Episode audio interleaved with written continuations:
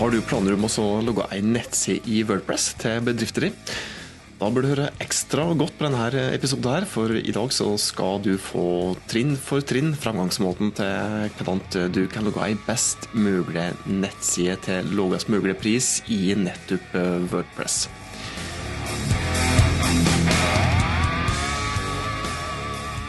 Hei, jeg heter Tormod Sperstad. Dette er podkasten der du får enkle, men forhåpentligvis gode tips til hvordan du kan bruke ulike markedsføringskanaler til å få bedrifter som du jobber i, til å få flere kunder og større omsetning. Tusen takk for at du hører på, forresten. Det gjør at det blir givende å drive med dette her. Ordentlig glad for at du har funnet veien til denne podkast-episoden. Ja, det skal handle, handle om Wordpress eh, i dag. Og det er jo da, som du kanskje enten har erfart sjøl eller har hørt via andre, at det er dugelig enkelt å logge ei nettside i Wordpress. Men i og med at det er enkelt, så er det òg fort gjort å gjøre dyre feil da, hvis du går feil fram. og Derfor så har jeg laga en liten slik nybegynnerguide, en trinn for trinn-guide, til hvordan du optimalt bør sette opp prosessen når du skal logge ei nettside i Wordpress.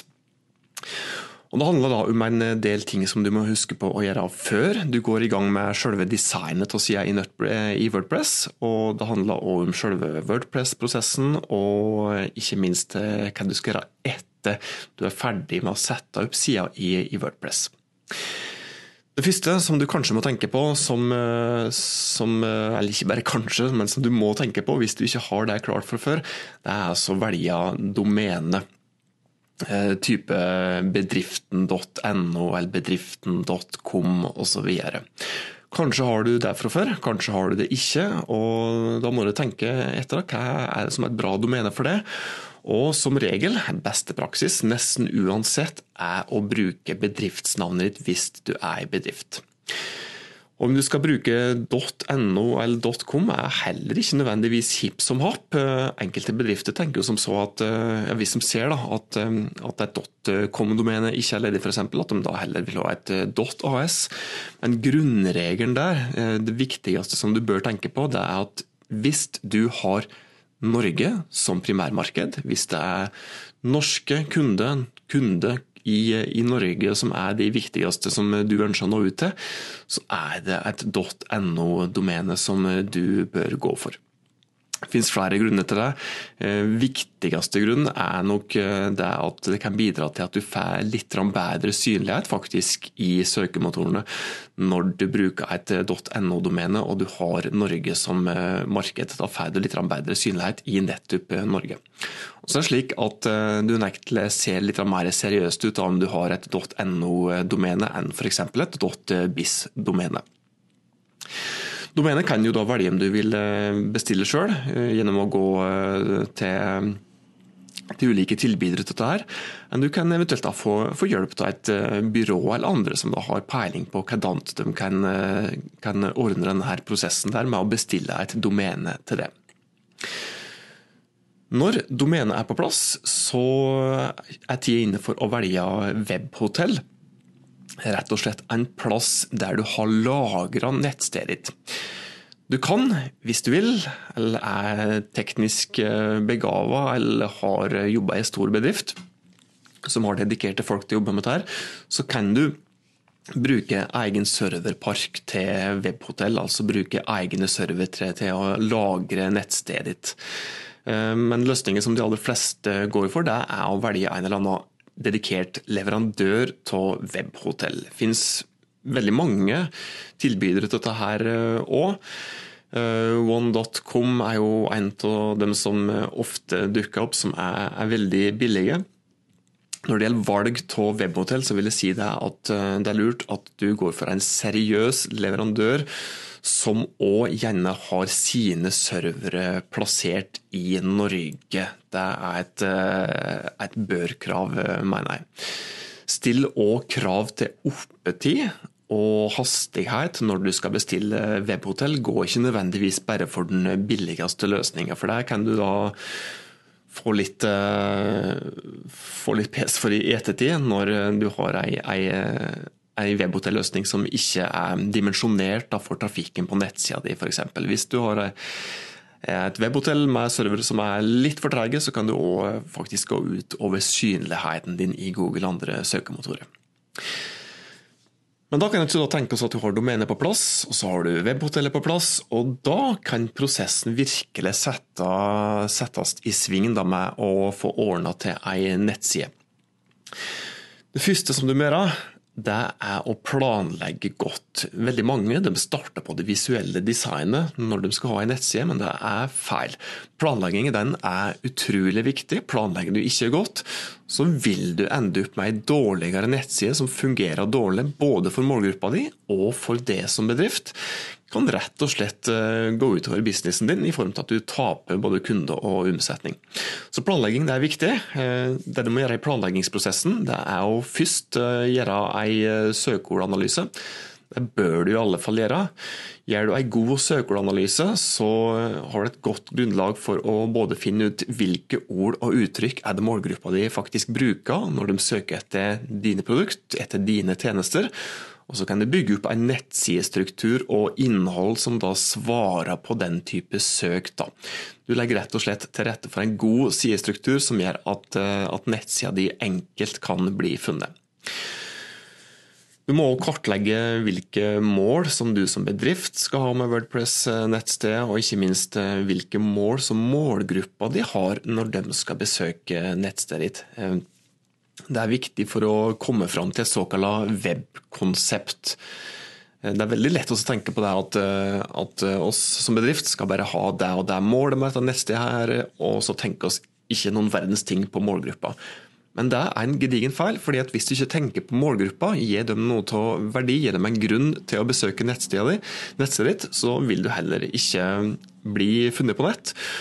Og dem som da er dine potensielle kunder, vil jeg rett og slett ikke finne noe informasjon som er nyttig for seg på nettsida di.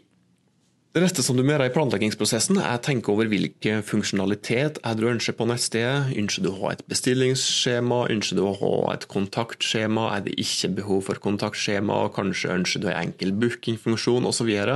Alt dette her er funksjonalitet som det er viktig å ta høyde for i planleggingsprosessen, slik at det ikke plutselig skulle dukke opp et nytt funksjonalitetsbehov når eh, Wordpress-nettstedet er lansert.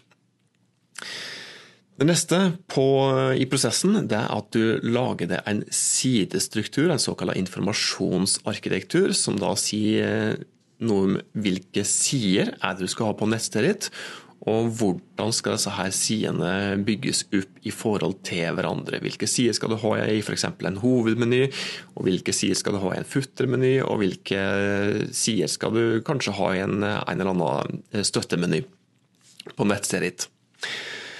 Når det er plass, på plass, så kommer faktisk litt av designprosessen inn. Det vil si, du skal faktisk ikke begynne å findesigne allerede nå heller, og så er fremdeles i planleggingsfase her. Men det som du nå skal gjøre, etter at du er ferdig med sidestrukturen, det er å begynne å skisse designet. Det vil si grovskisse hvor de ulike elementene på hvor de ulike sidene på nettstedet ditt skal plasseres i forhold til hvor hverandre. Og dette her òg er et uh, eget fag.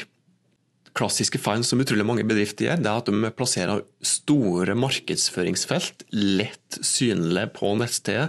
Det vil si at de plasserer de feltene som de sjøl mener er viktig å informere om, uh, mest synlig. Det er like typisk feil. Men det er òg en uh, en tabbe som kan koste gedigen omsetning, det òg. For det at det er målgruppa di som du må tenke på først. Du må først gi dem det som de ønsker å få informasjon om, før du kan tenke på det sjøl. Så designskisser er viktig, men tenk da mest på målgruppa di, ikke på bedrifta sine mål. Når det er gjort, så er tida inne for å installere selve Wordpress-løsninga. Og når jeg prater om det, så må jeg med en gang si det at Wordpress det er faktisk to ulike ting. Det er noe som heter wordpress.org, og det er wordpress.com. Og Wordpress.com det skal jeg ikke prate detaljert om i denne podkast-episoden her, Men for bedrifter så er det utelukkende wordpress.org som er gå-til-plassen når du skal bruke Wordpress som publiseringsløsning for nettstedet ditt. For at der gir det mest funksjonalitet, det gir det enklest tilgang til eget eh, domene. Det er rett og slett eh, eneste løsning for det som bedrift som vil ha et profesjonelt Wordpress-nettsted. Installasjon av Wordpress det kan du ganske enkelt eh, gjøre sjøl på ulike måter, eller du kan få noen som har peiling, som f.eks. et webbyrå, til å gjøre jobben for deg. Når du har installert Wordpress på neste ritt, så er tida inne for å begynne å faktisk få på plass designet. Realisere disse her skissene som du, som du tegna ut i eh, to for to-trinn siden.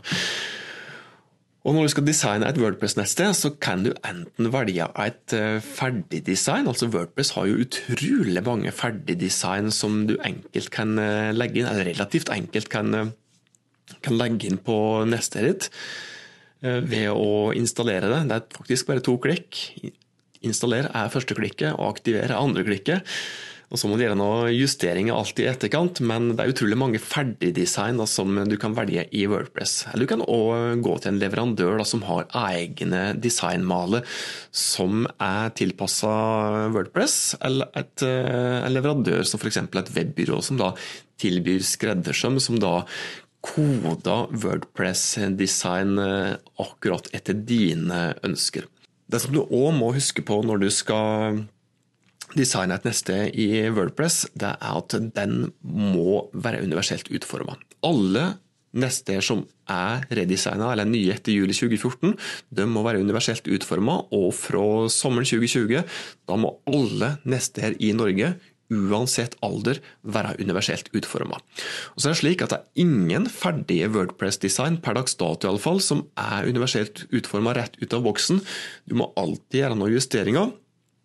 Eh, og så er det veldig mange byrå også, faktisk, som ikke bryr seg om universell utforming. Så er lurt å ha dette her som en del av kravspekken. Eh, enten alliere seg med noen som kan justere ferdige designmal i Wordpress, slik at du får universell utforming. Eller hvis du da skal velge et webbyrå til å gjøre designjobben for deg, husk en god kravspesifikasjon. Eh, der du da angir at nettstedet ditt i Wordpress det skal være universelt eh, utforma. En god kravspesifikasjon er jo spesielt viktig når du skal spørre flere om pris, slik at du har et godt sammenligningsgrunnlag når du skal velge leverandør. Etter at designet er ferdig, da kommer tida inn for å legge inn innhold på Wordpress-nettstedet ditt. Innhold i form av tekst, innhold i form av bilde, innhold i form av video, og kanskje òg lyd. Når det gjelder tekst, så er det jo noen krav til hvordan tekst skal utformes, og hvis det er viktig for det å være synlig i Google og andre søkemotorer, så er godt skrevet tekster som er gode og relevante for målgruppa di, det er viktig for at innholdet ditt skal bli lett synlig i, i søkemotorene. Så god søkemotoroptimalisering av innholdet ditt det er utrolig viktig. Det gjelder òg for bildet. Det er viktig å bruke bl.a. alternativ tekst når du legger inn bilde på, på nestet ditt. Det er et krav i, i lovverket når det gjelder universell utforming, det òg. Når det gjelder bildebruk, så må du for all del òg huske på dette med rettigheter. Det er ikke bare å ta et bildesøk i Google og finne et eh, tilfeldig bilde eh, der, og bruke det på nettstedet ditt. Du må sørge for at du faktisk har de rettighetene som du trenger til å bruke visuelt innhold òg på nettstedet ditt. Så det er andre, del, andre ting som du husker på når du legger til innhold, at du eh, f.eks. ikke bruker altfor store filer når du legger inn bilde og video, for det kan, kan gå utover lastetida, over over hvor rask nettsida di er. Og hvis nettsida di er treig, så kan det òg faktisk eh, redusere synligheten din i Google. Etter at du er ferdig med å legge inn innhold i form av tekst, bilde, video osv., så, så er tida inne for å begynne å teste før du publiserer. Viktig med en god testprosess, slik at du tester at ting ser bra ut på alle flater, i alle nettlesere, på alle enheter som PC og mobil og nettbrett osv. Før du da publiserer. Test viktig funksjonalitet. Hvis du har et kontaktskjema f.eks., så er det viktig å teste at det faktisk fungerer. Og etter at denne her testprosessen er ferdig, da først, da er tida inne for å gå live og så presentere nettstedet ditt for eh, allmuen. Og så er det jo da utrolig mange som tenker som så at eh, etter at publiseringen er ferdig, ja da er jo oss òg ferdige. Da trenger ikke oss som bedrift å gjøre noe mer.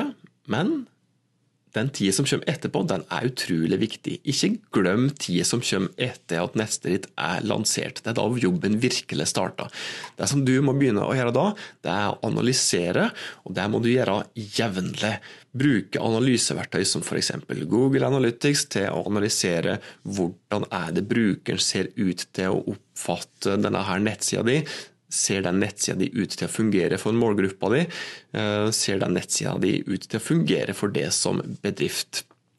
Viktig også at, eh, at du husker på å sette opp eh, konverteringsmåling på nettstedet, slik at du måle viktig funksjonalitet, måle viktige mål for det som bedrift. Hvis du f.eks. har et mål om at flest mulig skal ta kontakt med det, så er det viktig at du setter opp sporing til f.eks. Eh, utfylt kontaktskjema, klikk på mailadresser, klikk på telefonnummer osv. Men eh, analyseprosessen er utrolig viktig. altså. Analyseprosessen den kan du ikke bare gjøre én gang, den må du gjøre flere ganger. Sett gjerne opp en liten eh, fast rutine på at du analyserer enten en gang i måneden eller kanskje en gang i kvartal, og i alle for en gang i, i halvåret. Det var dagens eh, tips. Som vanlig, hadde du nytte av dette her, så eh, setter jeg ordentlig pris på om du tipser den andre om podkasten, eller gir podkasten ratings, litt reviews, slik at det blir lettere for andre å finne fram til denne podkastserien her. Og hvis du ikke er det allerede, abonner på podkastserien, slik at du er sikker på at du ikke går glipp av neste episode med matnyttige markedsføringstips for målbevisste bedrifter. Inntil oss høres, ta godt vare på det og dine, så høres oss forhåpentligvis om ei uke.